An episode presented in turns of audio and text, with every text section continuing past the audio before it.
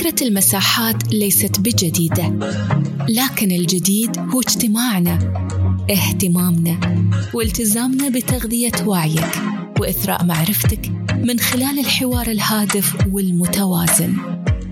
مادتنا الأساسية هي المعارف اللي قدمتها أعظم العقول في عالم القيادة وتطوير الذات والتواصل وجمعتها الكتب. رسالتنا هي إثراء عالم المساحات العربية بالفكر الراقي والنقد البناء. أما غايتنا فهي أن تتركنا في كل مرة وأنت بحال أفضل ومعرفة أعمق. حياكم في مساحة ابن رشد لقراءة الكتب.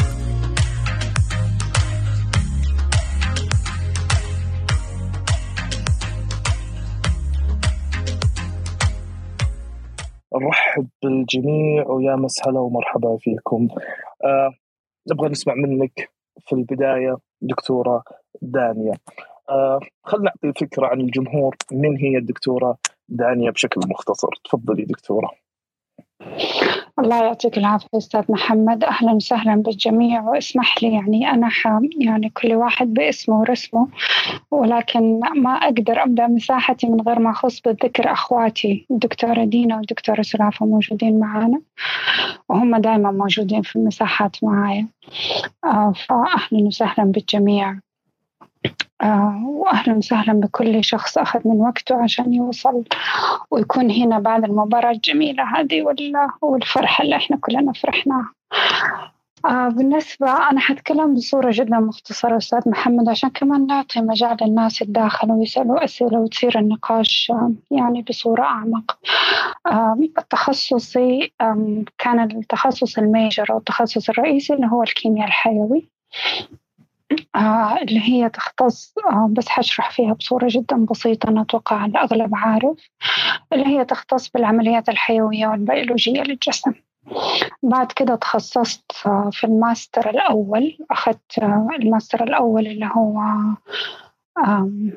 Master of Science في جامعة إمبريال كوليدج وهذا كان تخصصت فيه في ال human genetic اللي هو علم الوراثة البشري. بعد كده أخذت التخصص الثاني اللي هو الماجستير الثاني درجة الماجستير الثانية وكانت برضو آه، في بريطانيا وتخصصت فيها اللي هي علم الوراثة البشري العصبي. فتخصصت من علم الوراثة البشري العام لعلم الوراثة البشري العصبي. بعد كده سويت مرحلة الدكتوراه اللي هي في جامعة ال University College London. وهذه كانت اللي هي مرحلة الدكتوراه اللي هي بالضبط تخصصت فيها تخصص دقيق أكثر اللي هو فرع من فروع الوراثة علم الوراثة البشري العصبي اللي هو العمليات الحيوية والوظيفية الجينية في الدماغ. آه بعدها سويت اللي هي أبحاث ما بعد الدكتوراه. آه لمدة آه لمدة خمس سنين تقريبا. وكانت في نفس المجال التخصص ولكن تعرف أحيانا الأبحاث تغطي يعني مجالات مختلفة. متفرعة من نفس المجال الرئيسي. وآخرها اللي هو في 2018 2019 أخذت اللي هي الأبحاث الزمالة البريطانية. آه برضو من نفس الجامعة University College London وكانت بالضبط نفس التخصص ولكن بصورة مختلفة شوية. إنه هي بدأت أركز أكثر على الدماغ والجينات في الدماغ والعمليات الحيوية اللي إحنا يعني اللي هي ال functional العمليات الحيوية في الدماغ. وكانت بالذات آه مرتبطة بمرض اللي هو الألزهايمر والباركنسونز اللي هو مرض الرعاش ومرض الزهايمر. آه فهذه بصورة جدا مختصرة. بس إحنا حابين اليوم نقول إنه إحنا حنتكلم بصورة جدا مبسطة وما حتكون علمية. يعني حنقولها بصورة بسيطة ونشرحها ونتكلم فيها. ومن أهم الأسباب اللي أنا يعني بحط نفسي في المواقع في المواقع هذه بالنسبة للمساحات وبالذات باللغة العربية على أساس إنه إحنا نعرف كيف العلوم هذه ممكن تفيدنا في حياتنا اليومية وكيف أنا كشخص ما عندي أي خلفية علمية ممكن كيف إني أنا أبدأ أستخدم المعلومات هذه وأحسن فيها جودة حياتي اليومية. يعطيك العافية. الله يعافيك دكتورة تفضلي صفية. شكرا لك محمد. آه شكرا لك دكتورة وما شاء الله مسيرة مضيئة جدا ومتجددة وفعلا يعني آه تعكس القيمة العظيمة اللي قاعدة تضيفينها للمجتمع وللأشخاص بشكل مكان في أي يعني حيث ما تتواجدين. طبعا ما شاء الله ما شاء الله أول ما عرفوا الناس إن حضرتك راح تكونين ضيفتنا شفنا الإقبال الكبير والحفاوة الكبيرة. فنحن جدا نتشرف بقبولك هذه الدعوة. آه، ومثل ما تفضلتي راح نبسط هذه المفاهيم ونحاول أن نمد جسر للأشخاص اللي يسمعونا حاليا أن كيف ممكن يطبقونها في حياتهم اليومية. آه، كذلك نحن راح يكون عندنا آه، جزئية الأسئلة وبعدين راح نترك المجال في آخر عشرين دقيقة للأشخاص اللي حابين أنهم يتداخلون يطرحون أسئلة حول الموضوع. طيب دكتورة أول شيء موضوع الكيمياء الحيوية. وما هو هذا العلم؟ يعني إذا بتبسطي لنا إياه وكيف ممكن اليوم يتداخل مع حياتنا اليومية سلوكنا ممكن يأثر حتى على قراراتنا على نجاحنا أو لا سمح الله فشلنا في هذه الحياة؟ أيوة تمام. إحنا يعني أنا حتكلم فيها يعني بصورة إني أنا حجمع مع الكيمياء الحيوية مع علم الوراثة لأن النقاط مرة متصلة ببعض جدا. بس إنه هي في الأخير لو أنا بقول لك إيش هي الكيمياء الحيوية أو أنا كشخص عادي ليش لازم أعرف إيش الكيمياء الحيوية في جسمي؟ حقول لك بكل بساطة. إنك أنت تعرفي كيف هرموناتك بتشتغل تعرفي كيف دماغك بتوصل مع جسدك تعرفي كيف قلبك بيضخ الدم وكيف بيشتغل وكيف بيساعدنا إنه إحنا نتحرك ونعيش. آه بتشوفي كيف الجهاز الهضمي حقك بيتواصل مع بقية الأعضاء عندك عشان تعرفي هو إيش وظيفته وكيف بيساعدنا نعيش حياتنا بصورة مستقرة وبصورة بسيطة وبصورة مريحة وبصورة صحية. كثير ناس يستخدموا كلمة نبغى نعيش هيلثي نبغى نعيش بصورة صحية نبغى نعيش بطريقة صحية. طيب أنا كيف أسوي هذه؟ هذه من أول خطوات الأشياء هذه العلم هذا. طبعا هو علم جدا قديم. وبدأ يتطور. ومن ضمن الفروع الجديدة حقته اللي هي بدأت تطلع اللي هو علم الوراثة البشري. وتفرع كمان من من من العلوم الثانية اللي أنا يهمني نتكلم فيها اليوم وحن يعني وحنتطرق لها بصورة جدا بسيطة وجميلة اللي هو علم الابيجينetics اللي هو علم هو لو أنا ترجمتها حرفيا علم ما وراء الجينات ولكن لو ترجمناها بصورة منطقية سهلة للفهم اللي هي العوامل البيئية اللي تحفز الشخص أو العوامل البيئية أو العوامل الخارجية. اللي بتأثر على العمليات الحيوية للجينات أو المادة الوراثية في جسدي وفي مخي وفي قلبي وفي أعضائي. فهنا إحنا بنتكلم على اكشن أو تفاعل جدا مهم ويعني وتفاعل جدا كبير بيصير في كل لحظة وفي كل ثانية وفي كل دقيقة. أنا بفكر فيها وبأكل فيها وبتحرك فيها وبتصرف فيها. فإحنا لما نيجي نحاول بصورة بسيطة وبصورة محكمة وبصورة يعني إحنا بنبغى نبسط الأمور بس كمان الواحد يكون بصير نفسه يعني يكون بحكمة. الناس اللي تاخذ العلوم اللي هي الساينس اللي هي علوم الطب في جهة وبعدين يقولوا لك علوم الحياة في جهة تانية. بعدين يقولوا لك مثلا علوم الفارماسي اللي هو طب الأدوية في جهة لوحدها. إحنا ما نقدر نشتغل كذا الفكرة إنه الواحد يكون فطن إنه هو يبدأ يربط العلوم هذه حتى لو بصورة جدا بسيطة وبصورة يعني بدائية عشان تساعده إنه هو يعيش ويبدأ يستخدم المعلومات هذه بصالحه. فهي هذا الفكرة الأولى اللي هي تتكون لما تيجي تقولي لي مثلا إيش هي الكيمياء الحيوية؟ هي الحياة. هي حياة الخلايا داخلنا. كيف بتعيش؟ الخلية هذه مكونة من إيش؟ إيش الأجهزة اللي فيها؟ إيش المواد اللي بتشتغل فيها؟ إيش الأشياء اللي إحنا بنسويها عشان إنه إحنا نشغلها أو ما نشغلها؟ يعني يعني هي هذه بكل صورة مبسطة الحياة الداخلية اللي بتصير داخل جسدنا وداخل خلايانا. جميل جدا وإجابة أجمل بكل أمانة. من جديد نرحب اللي انضموا إلينا مؤخرا الأستاذ محمد الدكتور محمد القحطاني المهندس عبد الله المسعود آه، الأستاذ عبد الوهاب اللي دائما وأبدا معنا في هذه المساحة الأستاذ خالد آه، الأستاذ برضو خالد الزهراني وكل باسمه ورسمه. آه، ننتقل للسؤال الثاني وقبل لا نروح للسؤال الثاني بس في نقطة في بعض الإخوان والأخوات طالبين المايكات. في آخر 20 دقيقة راح نعطيكم المايكات بس بعد ما نخلص المحاور المهمة. كما أسلفتي دكتورة وكما ذكرتي أن هذه العلوم جدا مهمة. لو عرفنا لو شيء بسيط عنها ممكن حياتنا راح تفرق. آه عشان نعرف شيء عنها ولو كان هذا الشيء بسيط فاليوم في علم الجينيوم. إيش هو هذا العلم؟ وما علاقته بحياتنا وأنشطتنا. علم الجينوم هو اللي هي الأمبريلا أو المظلة الكبيرة اللي تضم تحتها علم الوراثة البشري، علم وراثة النبات، علم وراثة الحيوان، الإبيجينيتكس اللي شرحته، بس هي بصورة جدا مكبرة إنها هي تضم كل حاجة جوته، تضم جوته المادة الوراثية. تضم اللي هي المواد البروتينية والهرمونات اللي لها علاقة بالمادة الوراثية. تضم حركة المادة الوراثية من نشأتها إلين لما تكون في آخر مراحلها في جسم الإنسان. فعلم الجينوم هو يغطي لك كل المراحل هذه بالإضافة إلى العمليات الحيوية للجينات نفسها للمادة الوراثية نفسها. فهو زي ما بيقولوا عطولها اسم جديد يضم كل الفروع الصغيرة اللي فيها. ولكن عشان نرجع نبسطها أستاذ محمد عشان الناس ما تتوه مع الكلام الكثير هي في الأخير حياة الخلايا والجينات وكيف بتشتغل داخل أجسادنا. وكيف إحنا ممكن نوظفها ونستخدمها عشان نزيد من جودة صحتنا أفكارنا حياتنا اليومية ممكن نقول نشاطاتنا مقاومتنا للأمراض.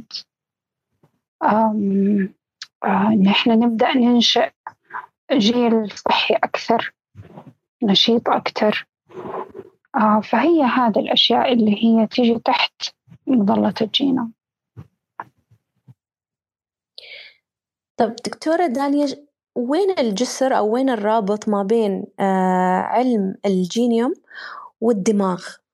وكيف نحن نقدر اليوم أو شو بالأصح شو هي الأشياء أهم الأشياء اللي لازم نعرفها عن أدمغتنا اليوم كأشخاص عاديين غير متخصصين بحيث أن نقدر نحسن حياتنا مثل ما تفضلتي؟ طيب أول قاعدة إحنا نفكر فيها إنه دائما أجسادنا دماغنا إحنا ككائنات حية كل شيء مترابط مع بعضه كل شيء بتواصل مع بعضه كل شيء بيتكلم مع بعضه ما نقدر نفصلها فحتى لو قلنا جسر الجسر هذا موجود آه زي ما يقولوا two ways طريق رايح جاي. فهي لا لا لا كيف علاقتها بالدماغ؟ أصلا لما نيجي من بدايتها من بدايتها يعني هذه معلومات جدا جدا جدا يعني بسيطة وأساسية. أصلا إنه أنت لما تيجي تفكري في جسد الإنسان الخلايا عندك خلايا الدماغ غير خلايا الكبد غير خلايا الرئة غير خلايا القلب تمام؟ فأصلا أساس تغير الخلايا هذه إن هي سبحان الله.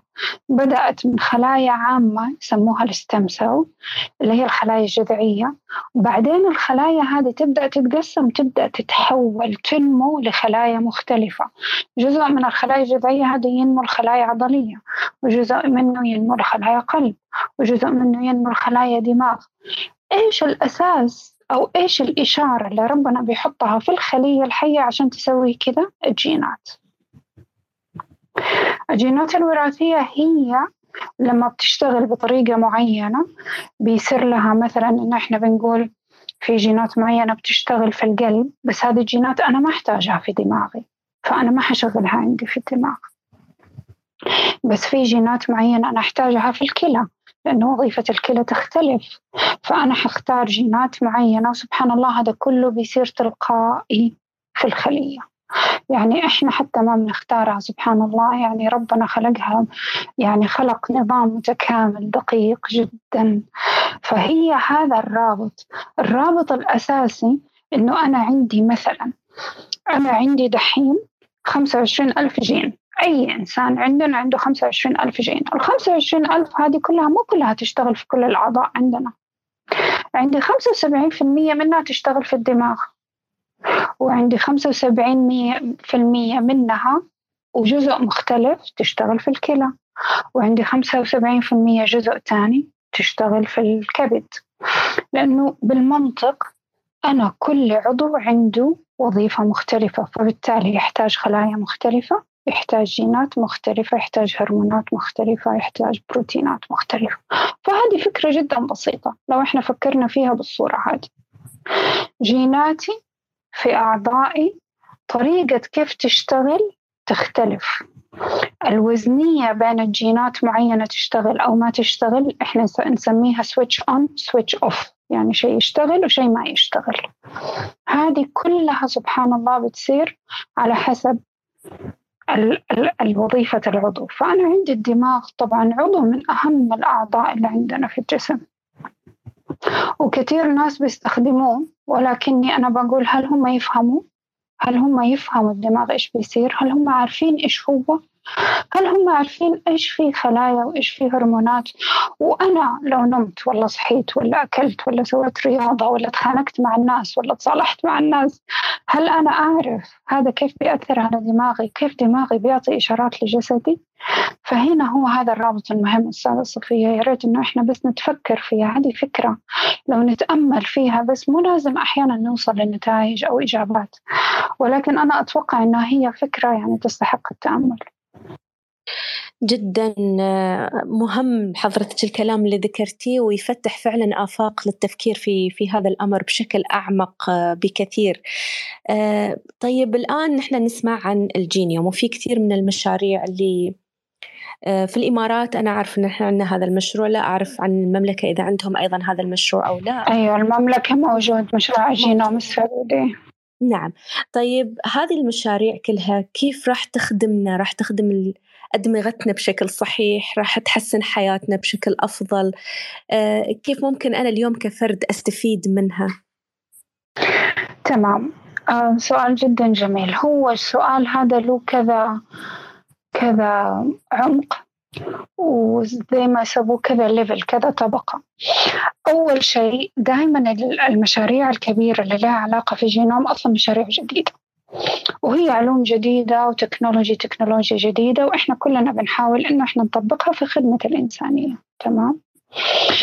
فالفكرة إنه دائما لما يبدأوا بمشاريع الجينومز الكبيرة يكون هدفها طبي بحت. يعني يكون هدفها إنهم هم يبدأوا يفهموا التركيبة الجينية لمجتمع معين. وهذه نقطة جدا مهمة أنا أتمنى أن الناس يعني يستوعبوا معي الفكرة هذه. التركيبة الجينية لمجتمعاتنا مختلفة لأنها طبعا وراثية.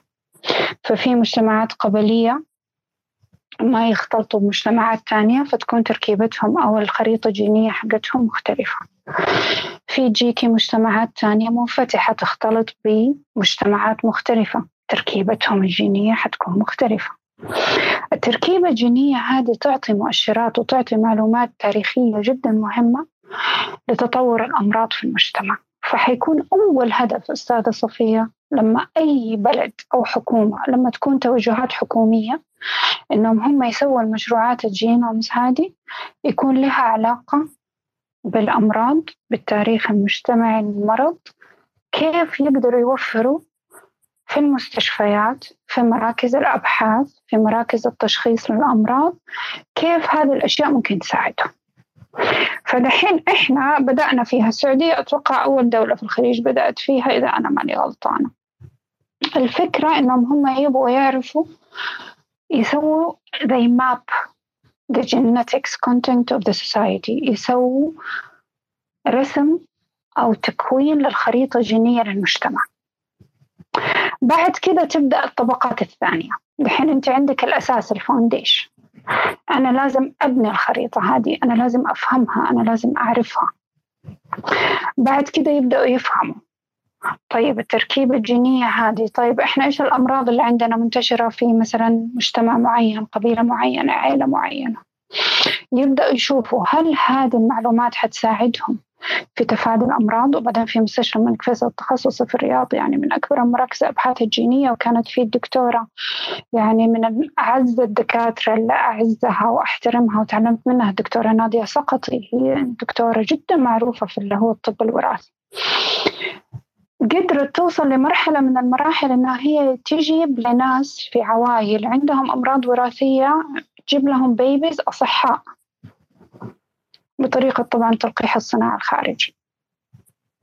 فأنت يعني بتتكلمي على كيف حتفيدنا؟ أنا ممكن أتكلم ساعات وساعات أستاذة صفية ولكن خلينا نبدأ نمسك في الأشياء البسيطة وأعيدها تاني عشان عشان المستمعين يكونوا معانا. إنه أهم شيء إنه أول شيء نسوي الخريطة الجينية الأساسية لمجتمعنا. وخليني أقول لك حكاية سريعة. إحنا ليش نحتاج نسويها؟ دحين لما المشروع الأمريكي حق ال human genome في الألفين في بداية الألفين طلع وسووا وسووا mapping وجمعوا وجمعوا العينات. لما جينا إحنا أيام مستشفى الملك فيصل التخصصي افتكر بالضبط كانت في عام 2000 أو 2001 كانت تجينا عوائل عندهم أمراض وراثية معروفة فكنا إحنا إيش نروح نسوي؟ فين المصدر اللي عندنا؟ للخريطة الجينية إحنا ما عندنا مصدر للمجتمع للخريطة الجينية حقتنا. فكنا نرجع لل source لل main source اللي هي الخريطة الجينية حقت ال human genome الأمريكي. لما جينا أخذنا المعلومات منهم كان في خمسة أو ستة جينات ما أنا ما حقول أسامي الأمراض عشان الناس ما يعني ما ترتبك أو تتضايق فكان في خمسة أو ستة جينات لمرض معين. لما جينا جبنا العيلة هذه وحاولنا نسوي لهم الخريطة الجينية حقتهم لقينا إنه جينات اللي هم ال human genome الأمريكي مسوي لها mapping أو مسوي لها خريطة ما يتطابق مع الخريطة الجينية حقتنا. لقينا جينات هذه سليمة عندهم. ما عندهم مشكلة بس هم في الأخير عندهم نفس المرض. فهنا كانت فطنة إنه إحنا نفهم إنه إحنا ممكن الجينات المسببة للأمراض في في مجتمعات مختلفة تكون مختلفة من مجتمع للتاني بسبب التاريخ الوراثي الجيني للمجتمع. فهذه نقطة من النقاط المهمة. اللي حبيت أقولها طبعا في أشياء تانية في مستويات تانية إنه إحنا كيف نفهمها إنه إحنا لما نفهم جيناتنا كيف تتحرك إحنا نقدر نتعامل مع أجسادنا نقدر نستخدم أجهزتنا. في الشيء اللي يفيدني. إذا أنا كنت أبغى أسوي هدف معين مثلا هدف رياضي معين ولا بدي أكون عيلة معينة أنا أكون فاهمة نفسي وفاهمة أنا إيش الإمكانيات اللي عندي وكيف أقدر أطوع الحياة البيولوجية اللي ربنا اداني هي في حياتي أنا لخدمتي أنا. جميل جميل جدا. آه، السلام عليكم دكتورة. عليكم السلام أستاذ هيثم أهلا وسهلا كيف حالك؟ كيفك؟ الحمد لله الحمد لله طيب يعني يعني واحدة من الأشياء الأسئلة أنا أعتقد إنه كثير من الناس آه، هنا حتكون عندهم أو في بالهم القياديين والمبدعين يعني هل في اختلاف يميزهم من ناحية جينية؟ هل هذا الاختلاف شيء ممكن يدرس أو ممكن آه، آه، يعني يعني يمكن يحصل له this this يعني يمكن الواحد يعرف الفرق بين بين الشخص هذا ممكن يكون قائد أو ممكن يكون آه، آه، مبدع بس من من جيناته ولا ما ممكن الشيء هذا؟ والله أستاذ هيثم أنا كنت عارفة السؤال هذا وأنا أحسه يعني ما أعرف احسه سؤال شوية يعني فلاشي ولكن نرجع لحقيقة السؤال. أنا أحب أرجع السؤال لجذره. هل الأشخاص المختلفين عندهم جينات مختلفة؟ عشان كده عندهم قدرات مختلفة؟ ممكن ناخذ السؤال في المنحى هذا ولا إيش رأيك؟ ممكن أيوة. يعني ممكن. تمام. من هذا تمام. فهي هذا الفكرة. الفكرة إنه الأشخاص مختلفين. دحين إحنا تركيبتنا الجينية كلنا زي بعض. ما نقدر نقول أنا جيناتي غير جيناتك ولكن ولكن الفرق البسيط اللي الناس كتير أحسها تخلط الأمور فيه. طريقة استجابة جيناتي والعمليات الحيوية التي تقوم بها جيناتي مختلفة مني عنك. ليش؟ بيئتي غير أكلي غير شربي غير طريقة حياتي مختلفة أفكاري غير. صدقني حتى الأفكار تأثر على طريقة الفانكشنز أو العملية الحيوية تجي. أنا لما أكون في مرحلة وهذه نقطة أتوقع أن دحين فرصة أقولها لأنها حتفيد الناس بالصورة العامة. أنا لما أكون دائما في مرحلة anxiety مرحلة قلق آه، مرحلة آه، دائما قلقانة دائما دائما زعلانة دائما معصبة آه، دائما عندي ضغط شغل دائما عندي ضغط بيت دائما عندي ضغط هذا. أنت تعرف إنه بس مجرد الأفكار هذه ممكن تأثر على نسبة الهرمونات حقت التوتر عندي في جسمي وتأثر على نسبة الهرمونات الثانية اللي هي حقت الهدوء في جسمي. فأنت أتخيل أنت مجرد أفكارك أو أكلك أو شربك أو نومك. أنا سويت مساحة قبل كذا مع الأستاذ محمد ناصر موجود هنا. أهلا وسهلا. تكلمنا فيها عن النوم. وإن أنا مجرد ما إني أنا أغير عدد ساعات نومي والنوعية النوم اللي أنا أنامها أنا بغير الحالة البيولوجية حق دماغي. وبالتالي دماغي بيعطي إشارات مختلفة للقلب وللكلى وللجهاز الهضمي وللعضلات ويعني وأجهزة كتير وللغدد اللي عندي. ف... فأنا أخذها بصورة أعمق أستاذ هيثم إنه إحنا مختلفين هل عندنا جينات مختلفة؟ نعم. من ناحية القادة والناس الناجحين أنا هذه أسيبها على جنب لأنه أي إنسان أنا أتوقع أنه ربنا أعطانا كل الإمكانيات موجودة داخلنا ولكن باختلاف الظروف والأسباب وال... وال... وطريقة الحياة وطريقة أفكاري هي اللي بتغير بتغير إحنا فين بنتجه. فيعني أتمنى أني أنا أشبعت لك السؤال. لا جميل جميل. إجابة جميلة وما أعرف صفية عندك ثاني سؤال ولا نبدأ نأخذ من الجمهور؟ آه فرصة. في سؤال عندك محمد قبل لا نفتح المجال للجمهور؟ أيوه أيوه عندي سؤال. بكل أمانة آه فانا أعرف مثل هذه التخصصات تعتبر بكل أمانة تخصصات نوعية. آه يعني من يدخلها الإنسان؟ قبل يدخلها وبعد ما يدخلها في اختلاف آه، كبير جدا. قبل لا يدرس هذا التخصص يكون شيء وبعد ما يدخل يكون شيء ثاني. آه، دكتورة كيف غير هذا التخصص رؤيتك للحياة نظرتك للحياة؟ أول شيء غير نظرتي لنفسي صرت فاهمة أنا مين. أول شيء كإنسانة ثاني شيء كجسد ثالث شيء كروح وبعدين بحاول بحاول أتعلم أربطهم مع بعض. وأخليهم في نفس المستوى. طبعا لما أنا بقول مستوى يعني شيء مجازي هو ما في مستوى. ولكن إنه هو الإنسان يصل للتوازن اللي يحس إنه هو فاهم فيه. يعني أنا أحيانا كانت تجيني فترات تجيني أعراض معينة مثلا في جسدي أنا ماني فاهمتها. فأنا يصير عندي غضب. فأنا أصير غضبانة. فأنا أصير غضبانة تجاه نفسي تجاه جسدي. بعدين تلاقيني أدخل في دائرة في دوامة أيذر لوم أو إحساس بالذنب إني أنا ما سويت الشيء الصح أو إني أنا ما نمت أو إني أنا حتى عملت ناس بصورة مختلفة المفروض ما عاملهم فيها بس لأني أنا ماني فاهمة جسدي. فأنا يعني أشوف من الحكمة إنه الواحد أي علوم أي علم ممكن يضيء للإنسان بصيرته إنه هو يفهم نفسه هذه أنا أحس لو واحد في المية. حتحسن حياتك وحتحسن يعني جودة حياتك بصورة جدا كبيرة. فيعني أنا بني آدمة تانية تاني زي ما يقولوا ده حمادة وده حمادة. دكتورة أنا لفت انتباهي آسفة محمد تبغى تقول شيء؟ تفضلي تفضلي صفية. أوكي بس قلتي كلمة روح. ونحن نتكلم عن الجينات والدماغ فأبغي أعرف كيف هذه المعرفة هذا التوازن بين العقل والجسد والروح والنفس؟ والله يا صفية هي أصلا ما تتجزأ. هي أصلا ما تتجزأ. يمكن صعب علي أن أنا ألاقي كلمة أوصف لك هي بس يمكن الإنسان يعني في خلال رحلته في حياته إنه هو يتعرف. أنا أحس الروح هي اللي بتتحكم في كل شيء مجرد إحساسك بالروحانية بيحسسك بالأمان. إحساسك بالأمان بيعطي إشارة لدماغك إنك أنت في أمان. مخك يبدأ يفرز هرمون معين عشان يعطي إشارة لجسمك إنه هو يرتاح. أنا كده أشوفها. هذه نظرة شخصية بحتة.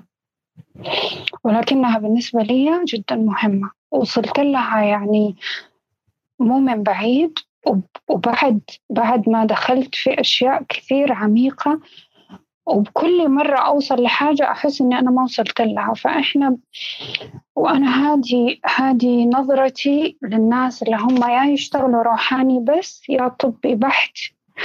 يعني إحنا ما نتجزأ نحن بشر. أنا بتكون من جسد وروح ونفس وأعضاء كلها متصلة في بعض. دحين أنت لما تكون صحتك طيبة كيف تكون روحك؟ منتعشة طبعا. بالضبط. أنت لو روحك منتعشة جسمك إيش حيحس؟ نعم طبيعة الحال. نعم. بالضبط. فهي هذه فهي لا تجزع. أنا فاهمة إنه أنا جاية من جهة علمية بحت. وعلى فكرة أنا كثير واجهت الصعوبة هذه واجهت التضارب هذا في داخلي.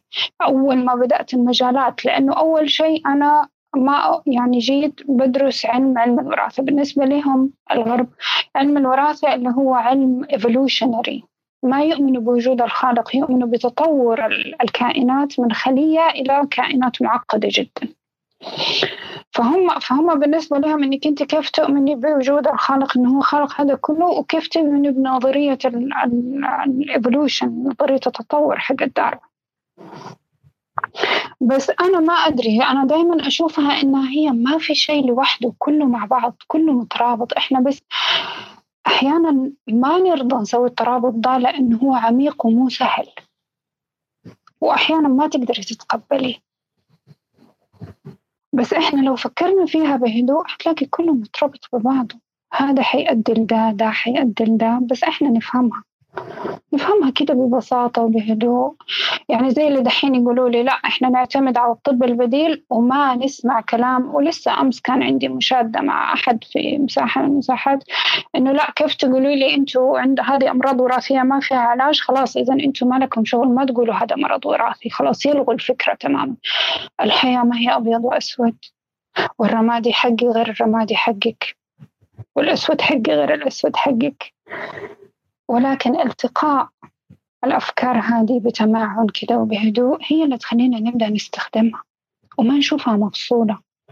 يعني أنا ما أدري أحس إنه الأشياء ما تنفصل كده بشيء حاد. يعني إحنا في حياة وأشياء بيولوجية ومتداخلة ما في شيء اسمه أبيض أسود طبعا في علوم أساسية زي علم التشريح وعلم الباثولوجي الأمراض هذه فيها أشياء ثابتة حتى علم الوراثة.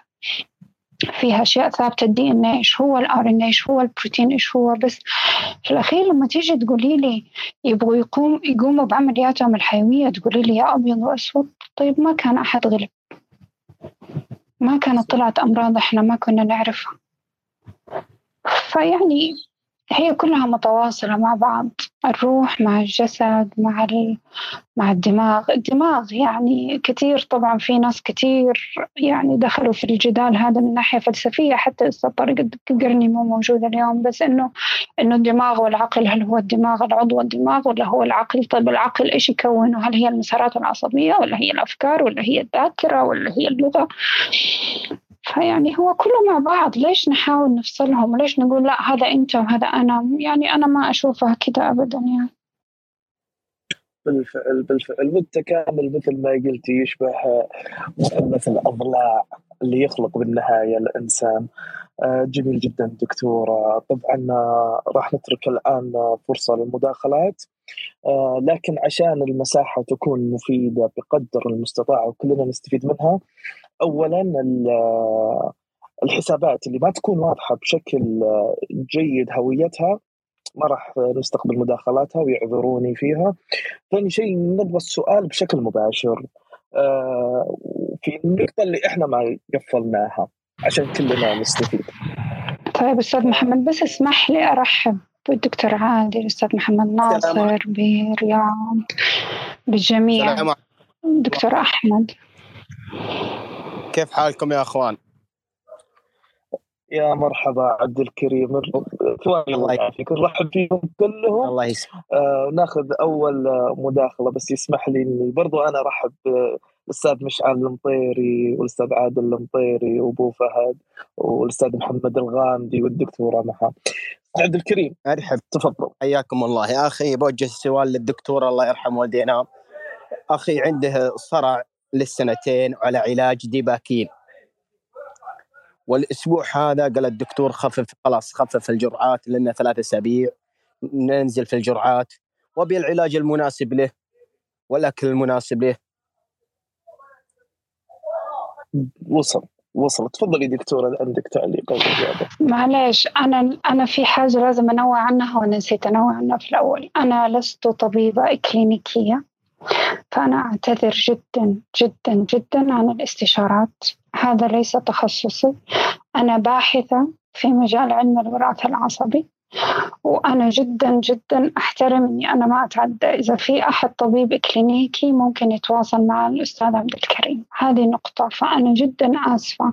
أنا ممكن نتكلم عن أفكار ممكن نتكلم عن تطبيقات معينة عن أبحاث أخيرة نتكلم فيها ونناقشها ولكن أنا آسفة بس أنا ما أقدر أعطي أي استشارة. هذه نقطة. النقطة الثانية معلش اسمحوا لي.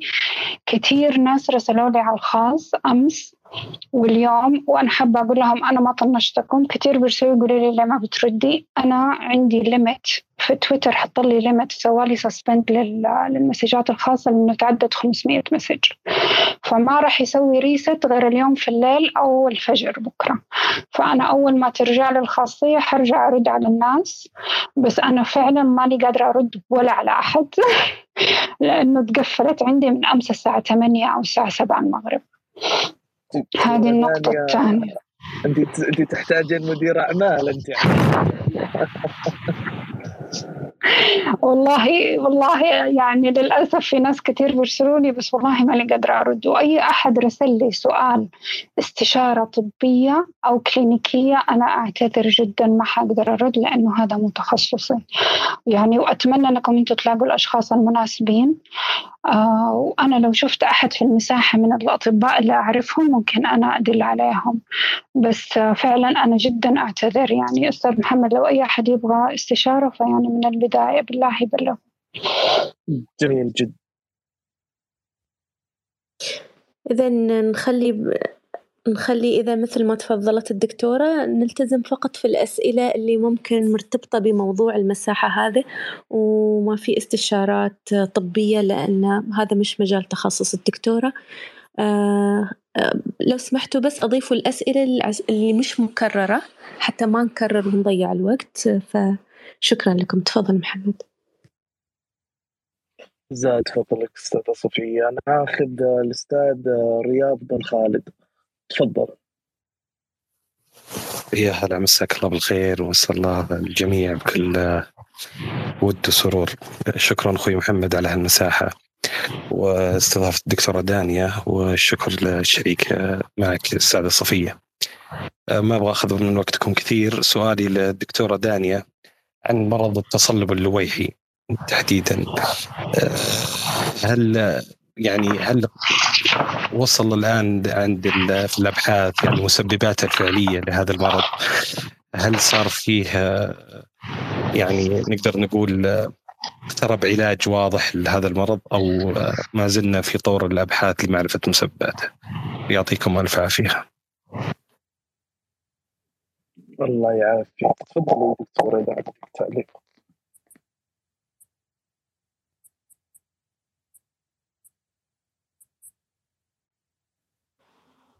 دكتورة تسمعينا؟ أيوة أهلا وسهلا. أهلا أستاذ رياض. بالنسبة لمرض التصلب اللويحي اللي هو multiple sclerosis هذا تجيني أسئلة عليه كثير. هذا المرض يعني شوية في كذا في خليني أشرحها بصورة جدا مبسطة وسريعة.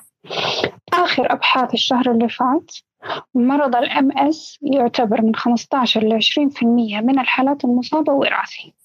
هذه سببها عشان إذا أنت بتسأل عن الأسباب.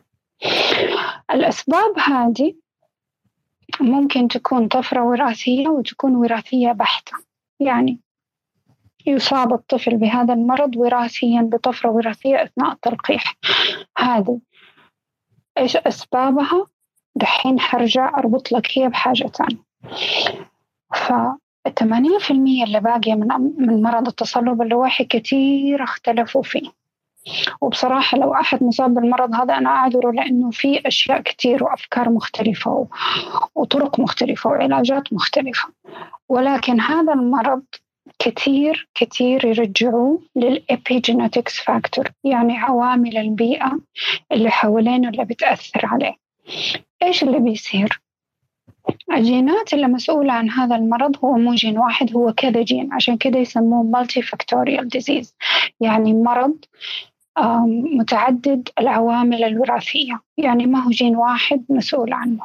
جينات مختلفة عندنا. إيش اللي بيصير؟ الجينات هذه بتكون موجودة في جسم الإنسان. على حسب طريقة الأكل على حسب صحة الأم وقت الحمل على حسب صدمات تكون. وهذه ناس كتير حيرفضوها بس أنا بس أتمنى يسمعوها مني ويفهموها. على حسب صدمات عاطفية في الطفولة. على حسب صدمات حياتية قوية. يعني حادث موت أحد قتل أحد قدام. هذه دحين ربطوها في دكتور كندي اسمه Gabor Maté هو psychologist واشتغل على موضوع اللي هو ال mind body relationship علاقة الدماغ مع الجسد والأمراض. فاكتشفوا أن نسبة كثيرة من الناس اللي يجوا يبدأوا تظهر عليهم أعراض هذا المرض بعد سن الأربعين. وبالذات التصلب اللوحي لها علاقة بالعوامل البيئية.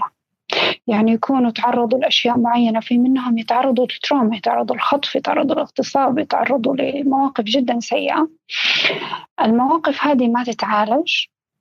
تبدأ تتح... تبدأ ت... يعني تبدأ تكون في الجسم في الذاكرة تبدأ تأثر تبدأ تخلي الإنسان يعيش بمراحل قلق خوف أنزايتي توتر. مع الوقت يبدأ يأثر. ليش؟ لأني أنا طول ما أنا قلقانة عندي هرمونات معينة وأهمها هرمون الكورتيزول دائما يكون عالي في الجسم. هرمون الكورتيزول ال target حقه أو الهدف حقه في الجسم يكون في كل مكان في كل الأعضاء. بعد فترة يصير شيء اسمه accumulative effect يعني تأثير تراكمي.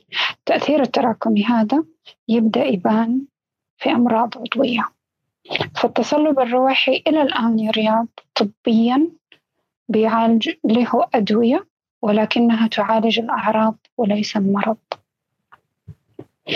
أسبابه 15 ل 20% جينية وراثية بحت يعني بيولوجية بحت. 80% مختلفين عليها جدا ولكن الاختلاف هذا بيكون بسبب صدمات بسبب حياة بسبب أكل في ناس بيجيهم بسبب بيستخدموا مواد مدمنة. مرة بنسبة مرة عالية لفترة مرة طويلة.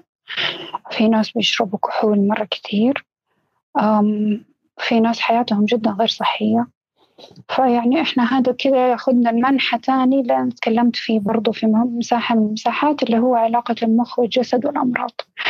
هل الصدمات العاطفية وال emotional stress الضغط النفسي والعصبي هل هو يأثر وتبدأ تظهر الأشياء هذه بصورة بصورة أمراض أو لا؟ هذا كمان له سبب تاني وأتمنى أن أنا أكون جاوبت على السؤال. جميل جميل جدا دكتورة. آه، أنا أعتذر مستر رياض آه، شلت المايك عنه بالخطأ. لو عندك تعليق ولا حاجة اطلب المايك ونرجع إن شاء الله. أيوة يا ريت إذا في استفسار بالنسبة للإم إس لأنه أنا أتوقع ناس كثير أمس رسلوا لي على نفس الموضوع فممكن إحنا يعني نجاوب. جميل جدا جميل. آه ناخذ الأستاذة وفاء السويدي تفضل أستاذ. حياكم الله جميعا سعيدة اليوم بتواجدي معكم وصراحة يعني أتشرف وجود الدكتورة دانيا اليوم موجودة معانا اليوم. دكتورة أنا عندي سؤال بالنسبة لموضوع اختبارات الذكاء. هل فعلا اختبارات الذكاء تقدر تقيس ذكاء الإنسان؟ والشيء الثاني هل آه، طبعا أكيد في فروق فردية إحنا نلاحظها بين الطلاب. هل أسبابها جينية؟ ويقولون دائما إن الذكاء يكون جزء وراثي من الأم. هل هذا الكلام صحيح؟ وهل آه، طبعا هم يقولون ذكاء الإنسان مرتبط طيب. بحجم طيب إيش رأيك أجاوبك شوية شوية عشان ما أنسى الأسئلة؟ يا تفضلي حبيبتي آه الله يعطيك العافية بالنسبة خليني أجاوبك في اللي هو مجالي هو الوراثة جزء من الأم نعم لأنه جزء من من الجينات اللي هي مسؤولة عن أنا ماني حابة أقول الذكاء بس أنا أقول عن القدرات العقلية يكون على ال X chromosome وإحنا نتورث ال X chromosome من الأم. فهذه معلومة صحيحة. بالنسبة للأطفال اللي في المدرسة معلش تعيدي لي السؤال مرة ثانية. أقول يعني هل فعلا اختبارات الذكاء دقيقة مثل المنسى اللي تختار اللي تختبر ال IQ أو إلى غيره هل هي فعلا دقيقة أو يعني هل ممكن هي مثلا تقدر تختبر كل إنسان وذكاء؟ ولا ممكن في شخص ممكن ما ينجح فيها ويكون ذكي في الحياة العملية الإفريقية؟ فأيهما أكثر يعني صحة كمقياس؟ والله يا أستاذة وفاء أتمنى أجاوبك بس أنا ما يعني أنا مالي خبيرة في أساسيات وضع الاختبارات هذه. وأتوقع أنها هي لها علاقة بالناحية النفسية والاجتماعية أكثر من تخصصي أنا اللي هو الناحية البيولوجية والحيوية. بس اللي أنا أعرفه إنه إنه إنه جزء من الوراثة جزء من الذكاء يكون من الأم وبالذات الذكاء الاجتماعي لأنه بعض الجينات اللي هي ارتبطت بالذكاء الاجتماعي موجودة على الإكس كروموسوم. أكثر من كذا بصراحة ما أقدر أفتيلك لأنه حتى دراسات الذكاء هذه واختبارات الذكاء اللي يعطوها بيقيسوها على أشياء كثير لها علاقة بالأشياء الاجتماعية والعقلية والهذا فأنا من ناحية بيولوجية والله ما أقدر أفيدك أنا آسفة. شكرا دكتورة شكرا. جميل, جميل جدا. أنا قاعد أفكر أجيب ذا الحين هدية لميمتي ام ناصر. اثر ذكائي منها هي. طيب جميل جدا. ناخذ مداخلة من لا أنت حتجيب لها هدية بغض النظر يعني إيش؟ لا لا لا الذكاء منها. والله دبل الهدية مو واحدة. طيب ناخذ مداخلة من الأستاذة تغريد. تفضلي. يا هلا وسهلا زاد فضلك. الله يعطيك العافية دكتورة وشكرا لك على ما تقدمينه ومعلومات مثرية. الله يسعدك. الله يعطيك العافية أهلا وسهلا. حبيبتي هلا وسهلا فيك. أنا عندي كم سؤال. آه، أنا قد سمعت معلومة أبيك تصححينها لي إذا هي صح أو غلط. إنه بعض الأمراض آه، الجينية ممكن تتعالج بطريقة بطريقة أسلوب حياة زي تغيير التغذية أو تغيير أسلوب الحياة. هل هذه المعلومات صحيحة أو لا؟ صحيحة لحد معين. طيب حاضر. صحيحة لحد معين. شوفي إذا مثلا نيجي نتكلم عن باركنسونز أو ألزهايمر أو كرون دكتورة عفوا دكتورة. أستاذة تغريد بس قفلين المايك بارك الله فيك. تفضلي دكتورة. طيب الفكرة إنه إذا هي زي الأمراض اللي إحنا كنا بنتكلم عنها Parkinson's، Alzheimer's، Crohn's disease، MS التصلب اللويحي، طبعا في جزء منها كبير يعتمد على طريقة حياة وطريقة أكل ومعالجة نفسية للمشاعر وللصدمات العاطفية.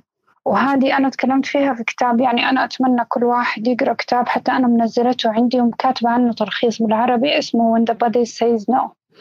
دكتور Gabor Maté هو psychologist كندي وبدأ يتكلم على الأشياء هذه. وفي ناس كتير غيره تكلموا عنه بس هو بي بيقولها كذا بصورة بسيطة وسريعة وسهلة. هو بيقول لك في الأخير زي ما قلت الأستاذة صفية إحنا كلنا باكج واحد. روح مع نفس مع مشاعر مع جسد مع دماغ مع صحة مع أعضاء مع كله مع بعض.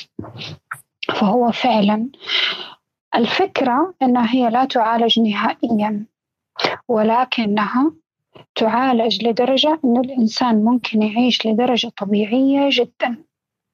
ومع الاستمرار لفترة طويلة ممكن الجسم يبدأ يتشافى. كيف؟ الفكرة هي جدا بسيطة إني أنا لما حغير ال lifestyle حقي وحغير أكلي وحغير أفكاري وحعالج أشياء معينة داخليا نفسيا أنا بسوي إعادة اتزان لجهازي جسدي هرموناتي أعضائي. بعد فترة تبدأ الأعضاء تتشافى لأنها بدأت ترجع للتوازن. لما أستمر فترة طويلة أنا خلاص أنا في مرحلة تعافي. فإصابتي بالمرض حتصير جدا نسبتها بسيطة. ولكن هذا لا يعني أنه عندي نسبة جينات فيها فيها فيها الميوتيشن فيها الطفرة الوراثية. ولكن أنا بتعامل معها بطريقة إن أنا أخليها مو هي اللي تتحكم في حياتي أو في جسدي أو في هرموناتي. في أمراض عشان نكون جدا كمان صريحين وراثية. مهما غيرت ستايل حياتي. ومهما أكلت صحي حتتحسن. بس آثارها ما راح تروح. وهذه نقطة جدا مهمة. أنا أتمنى أكون الشخص اللي أعطيكم الأخبار اللي مرة كويسة. إنه كل الأمراض راح تتعافى. بس هي ما هي صحيح. وإذا هي صحيح لسه ما وصلنا للمرحلة إنه إحنا متأكدين من النتيجة هذه الله يعافيك دكتورة سؤالي الثاني إذا سمحت لي يا أخوي آه إنه مثلا الآن آه إنه مثلا في أمراض مثلا بتكلم عن الأمراض النفسية آه ممكن تكون وراثية أو بالجينات. هذا ما يسبب خيبة إنه مثلا أنا شخص متعافي في أحد من عائلتي مثلا عنده اضطراب. هذا ممكن يسبب لي إنه ممكن أنا أكون مثله أو أجيب أولاد مثله.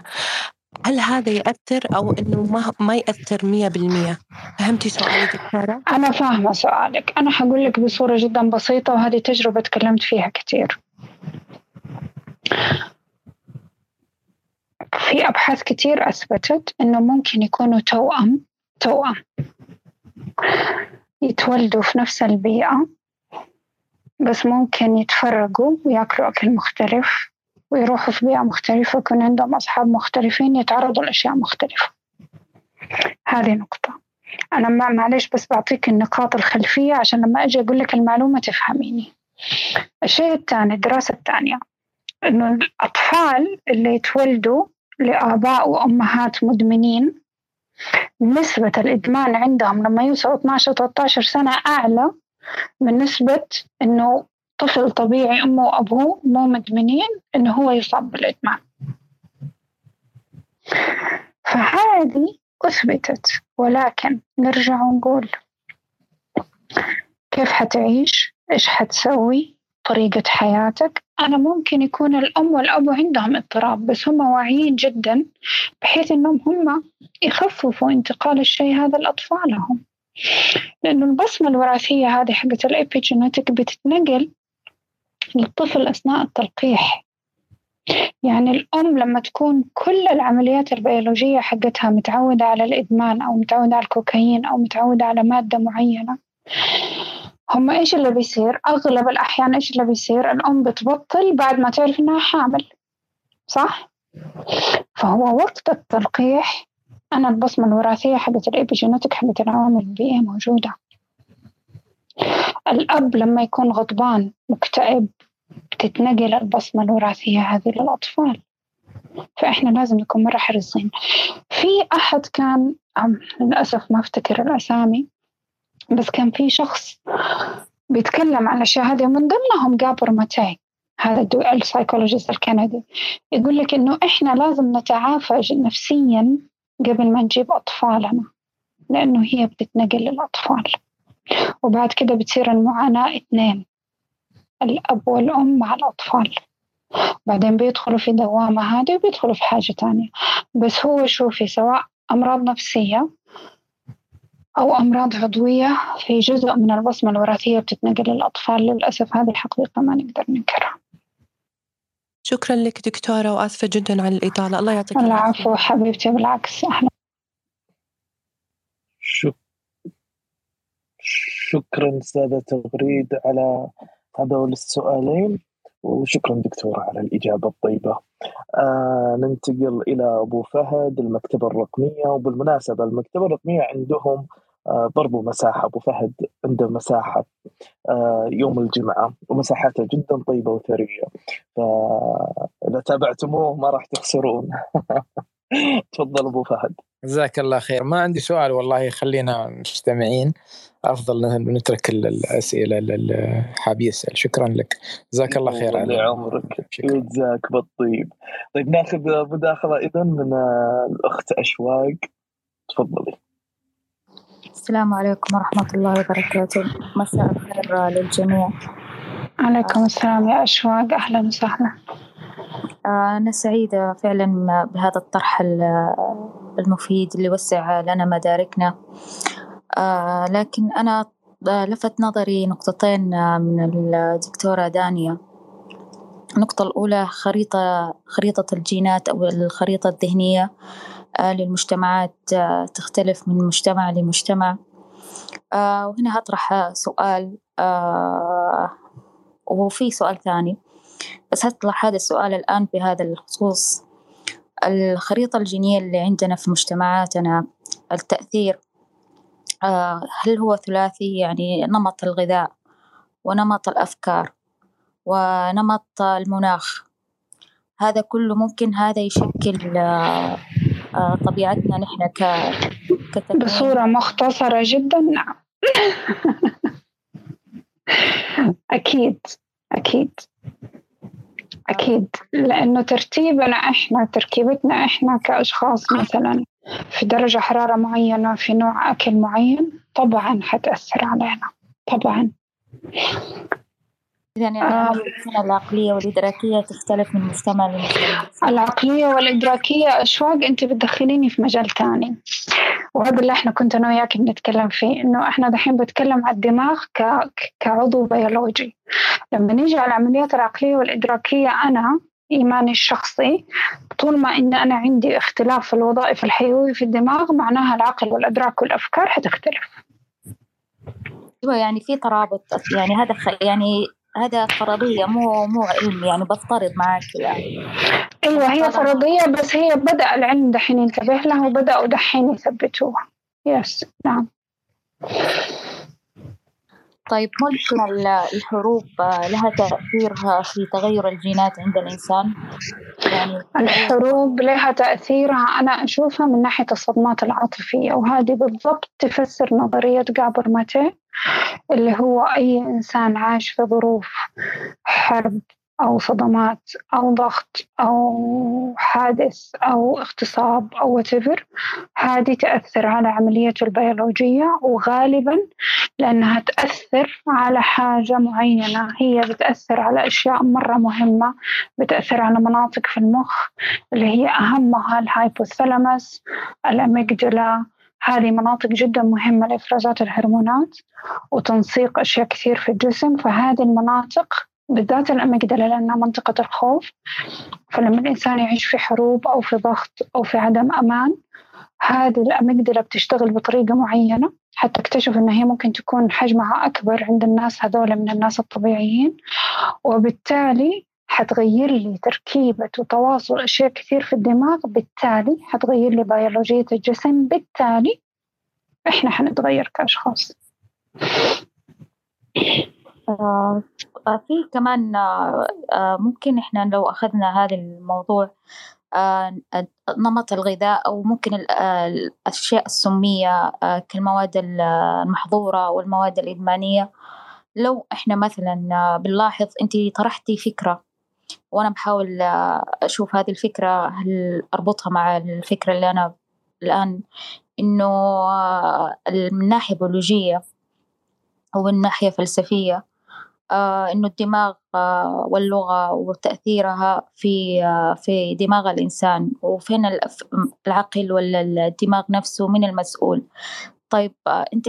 إحنا بنلاحظ أحيانا المواد المحظورة والمواد الإدمانية مجرد ما يتعاطى الإنسان بيفقد عملياته الإدراكية أو يفقد توازنه أو فيتبدأ عنده الهلاوس والعمليات الإدراكية تبدأ عنده تختل فهذه المواد السمية تأثر في عملياته العقلية والإدراكية. إذا هل ممكن الدماغ يكون هو المسؤول؟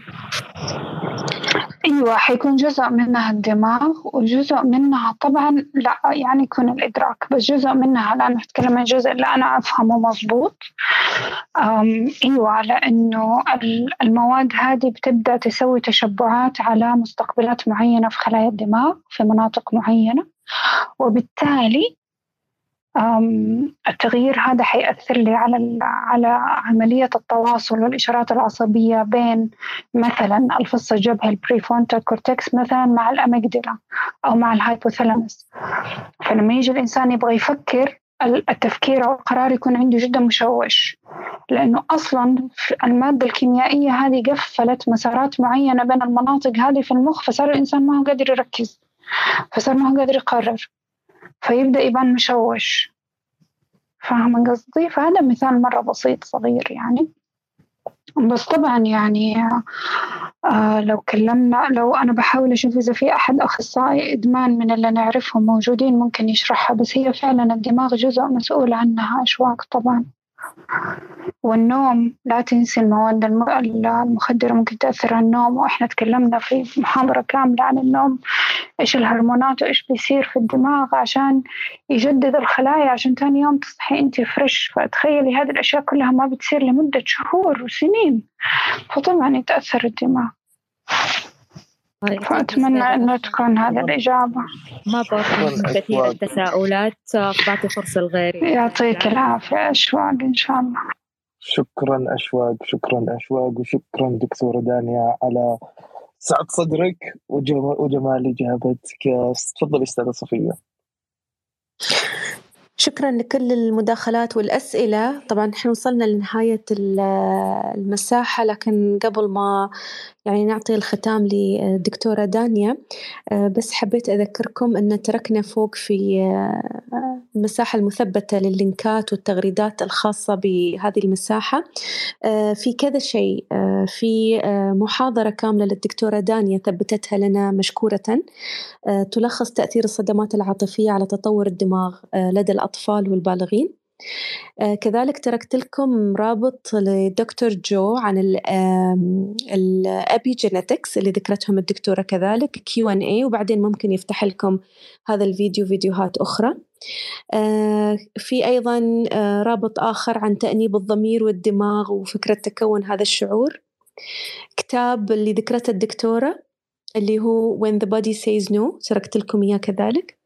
وآخر شيء حبيت أعلن لكم أن مساحة ابن رشد فتحت أخيرا منصة البودكاست وكل الحلقات السابقة اللي هم 22 حلقة مع هذه الحلقة زميلنا هيثم مشكورا تولى عملية إنتاج هذه الحلقات وتحضيرها لأسماعكم. ولذائقتكم فيعني نتمنى أن إن شاء الله تحصلون على وقت إنكم تدخلون البودكاست اللي موجود على منصة أبل وتستمتعون بالعودة إلى هذه الحلقات وتشجعونا أيضا من خلال إعادة نشر الحلقات مع مجتمعاتكم. يعطيك العافية أستاذة صفية أستاذ محمد يعطيكم العافية. أنا ممكن أستأذنكم في حاجة لو سمحتوا تفضل. دكتور؟ ممكن نضيف بس خمسة دقايق لأن أنا شايفة في ناس لسه طالبين مايك وأنا ممكن أجاوب بصورة سريعة لأني ما أحب كذا أسيب أحد عنده سؤال. إيش رأيكم؟ تفضل محمد. أبد أبد أبد دام إنه طلبك فهو مجاب إن شاء الله. الله يسعدك يطول لي عمرك. آه طيب أستاذ الرياض رجع مرة ثانية. آه فخلينا نرجع لمداخلته. أول شيء آه تفضل رياض. تمام عشان نكمل المداخلة الأولى. أيوة. جميل. تفضل رياض.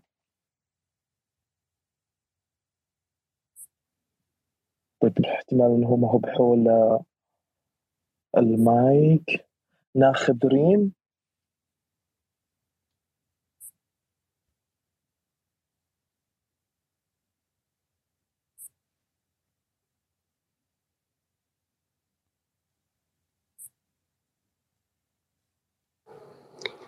السلام عليكم أتوقع أن أستاذ رياض مو سامعنا.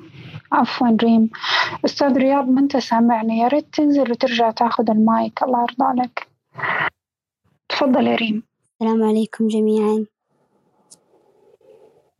عليكم السلام. مساء الخير عليكم. تفضلي آه حابة أسأل دكتورة دانيا آه أنا بعد ولدي الأول تمام. آه، أخ... مريت في ظروف يعني اضطريت إني آخذ حبوب آه، لفترة طويلة يعني. فلما آه، فحملت آه، ولدي الثاني على المانع تمام. فحسيت إنه آه، ولدي هذا لسه توه يعني عمره تسع شهور. بس حسيت إنه مو زي ولدي الأول. عرفتي كيف يعني؟ هل ممكن الحبوب أثرت عليه؟ خصوصا إني أنا حملت على المانع وأنا آخذ حبوب أصلا. عرفتي؟ والله حبيبتي أنا أنصحك تروحي لطبيبة تسأليها لأنه أنا ماني طبيبة إكلينيكية والله آسفة ما أحب أرد أحد بس والله أنا ماني طبيبة إكلينيكية. أنا آسفة. بس لا على ممكن يأثر على دماغه أو شيء زي كذا. هذه هذه إيش تقدري تسوي؟ اللي أقدر أفيدك فيه إنك أنت تروحي طبيبة أطفال. أيوه. ويبدأوا يسووا له اختبارات تطور الدماغ يقيسوا الدماغ يسووا له أشعة معينة عشان يشوفوا هل جميع مناطق المخ متطورة صح. يبدأوا يسووا له اختبارات معينة عشان يشوفوا هل هي قدراته تطورت صح. بعدين يبدأ يقيموا الأمور بس ما يعني صعب كده الواحد يقول من غير ما يعني تصير اختبارات معينة يعني. تمام يعطيك العافية ما قصرت. الله يعطيك العافية حبيبتي عندهم العافية إن شاء الله حبيبة قلبي صدق يا رب. شكرا أستاذ ريم تفضل أستاذ رياض تفضل يا هلا وسهلا نعتذر المايك تو علق عندي ما في مشكلة بس سؤالي الدكتورة آه، حالة الأمان كيف يكون لها تأثير على دماغ الطفل؟ يعني كيف ممكن تتأثر آه، يتأثر دماغ الطفل في حال في حالة الأمان عنده؟ هل لها تأثير أو لا؟ تمام. بالنسبة لهذا إحنا نرجع لنفس موضوع الإبيجينيتكس أو العوامل البيئية. طبعا في كتاب أنا مرة أحبه وأنصح الكل يقرأه إذا يقدر اسمه What Happened to You. هذه ألفته أوبرا مع دكتور أعصاب اسمه بروس. بيتكلموا عن حالة تطور الدماغ في المراحل البدائية جدا مرحلة الطفل في مرحلة الحمل وأول ما يتولد الطفل. وملخصها كان إنه الطفل لما يحس بالأمان طريقة تطور وتركيبة الدماغ والخلايا والمسارات العصبية تختلف عن لو كان الطفل يحس بعدم الأمان. الفكرة هنا ليش أنا دائما أصمم إنه الطفل يحس بالشيء حتى لو هو كان في الرحم؟ لأنه الأطفال ما عندهم لغة. ولو حسوا بالإحساس حيحسوه قبل ما يفهموا إيش هو هذا الإحساس. وهذا الإحساس يتخزن في جسدهم وفي دماغهم في ذاكرة طويلة الأمد. فلما يجي يكبر الطفل ويبدأ يتعلم اللغة يبدأ يركب اللغة على الإحساس تبدأ يتكون عنده المفهوم والصورة الذهنية. هنا تبدأ المشكلة. فكتير ناس يقولوا لك الأطفال كانوا هابي بيبي وهم صغار.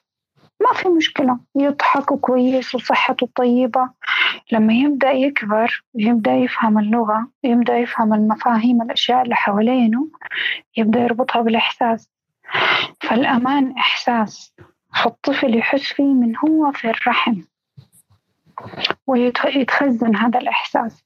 فبالتالي يسموه هذا علم يسموه brain development اللي هو تطور الدماغ في المراحل البدائية للطفل. هي أساس تكوين الدماغ للأدلت للبالغ. فطبعا إحساس الأمان من أهم الأحاسيس. حتى الدكتور هذا يقول في الكتاب وهذه يعني أنا بقولها للأمهات يقول لك إن الأم لما تقول لك الطفل يبكي يقولوا لها سيبيه يبكي لين لما يسكت. يقول لك هذه من أخطر أخطر الحركات اللي الأم تسويها مع الطفل. لأنه هو بيبكي معناه هي seeking security يعني هو بيطلب الأمان. والتواصل الوحيد اللي الطفل يحس فيه بالأمان في هذه المرحلة إنه هو جلده يلمس جلد الأم أو يشم ريحتها أو يحس فيها. فهذا يتخزن عنده. فالأمان من أهم الأحاسيس اللي الطفل يحسها عشان يحصل على تطور دماغ طبيعي. وسؤال جدا جميل شكرا. شكرا لك دكتورة دانيا شكرا لك آه، رياض. آه، سؤال أخ يعني أخير من هو أعتقد ما أعرف إذا جاوبتي عليه دكتورة اللي هو أثر الحروب والصراعات على الدماغ بشكل نفسي وعضوي. أيوة هذه أنا دوبي جاوبت على أشواق. لأنه أنا لما أعيش في حرب ممكن تاخذي نفس إجابة الأمان له. أنا لما أعيش في إحساس معين إحساس حرب حرب إحساس عدم أمان إحساس جوع إحساس احتياج إحساس إحساس فقر هذه كلها أفكار. الأفكار هذه بتتخزن في مشاعر معينة المشاعر هذه بتتخزن في الدماغ. الدماغ بيرسل إشارات مختلفة عمليات البيولوجية بتختلف بالتالي جسمي بيختلف بالتالي حياتي وصحتي بتختلف. جميل جدا دكتورة طيب أنا أنا أنا عندي سؤال هذا السؤال تفضل ما أقدر أقول لك لا يعني الله يسعدك الله يسعدك طيب دكتورة ال ethics ال ethics في نظرتها لعلم الوراثة هل تختلف بين الشرق والغرب؟ هل في اختلاف؟ هل في تضارب؟ أه ولا متفقين؟ حابب أعرف هذه النظرة نظرة ال ethics لموضوع علم الوراثة نظرة ال ethics من يعني كيف بالضبط؟ معليش حدد لي السؤال لأنه سؤال مرة كبير. أنا أقصد الآن مثلا إذا بيقدر علم الوراثة آه، يحدد جينات معينة ويبعد أمراض معينة هل يقدر يتدخل آه، علم الوراثة في آه، خلق إنسان بذكاء أكثر؟ هل هذا من باب أنا ممكن أنا ممكن أخلق إنسان بصحة أحسن. بمرض معين مختلف وهذه موجودة اوريدي في مستشفى الملك فيصل التخصصي في الرياض. بيسوي اللي هو التلقيح الخارجي. لما يكون في عائلة معروف إن عندها أمراض وراثية معينة بيصير في اختيار للتلقيح وبتختار الخلايا وبتختبر وراثيا وبعد كده بياخذوا الخلايا السليمة وراثيا تزرع في رحم الأم. فهي من ناحية ethic موجودة.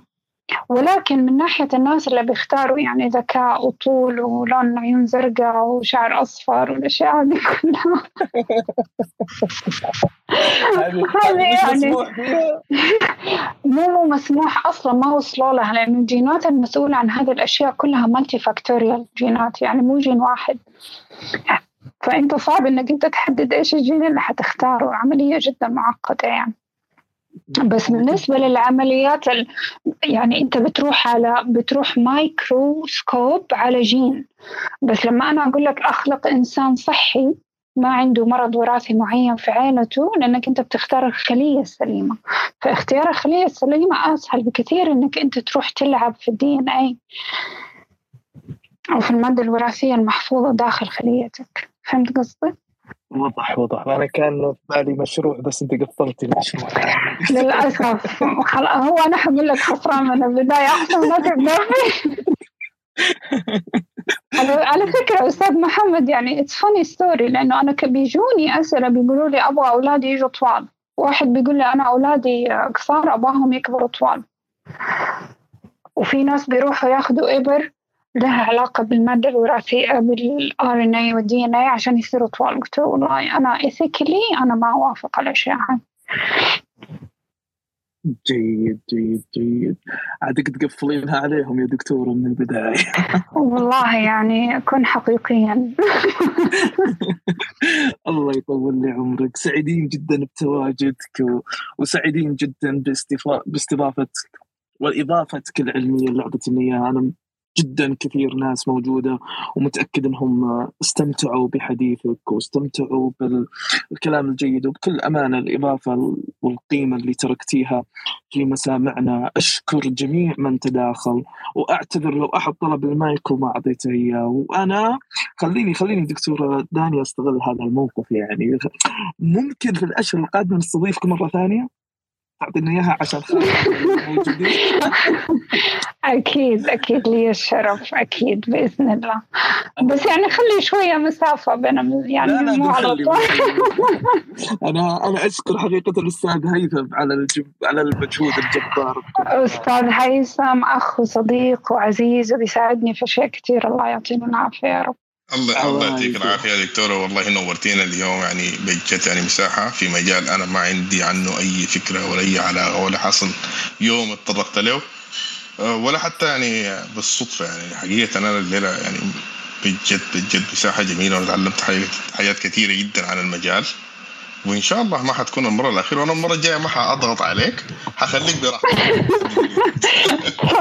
تمام الحمد لله. هي الفترة هذه كانت شوية ضغط بس الحمد لله كله تمام.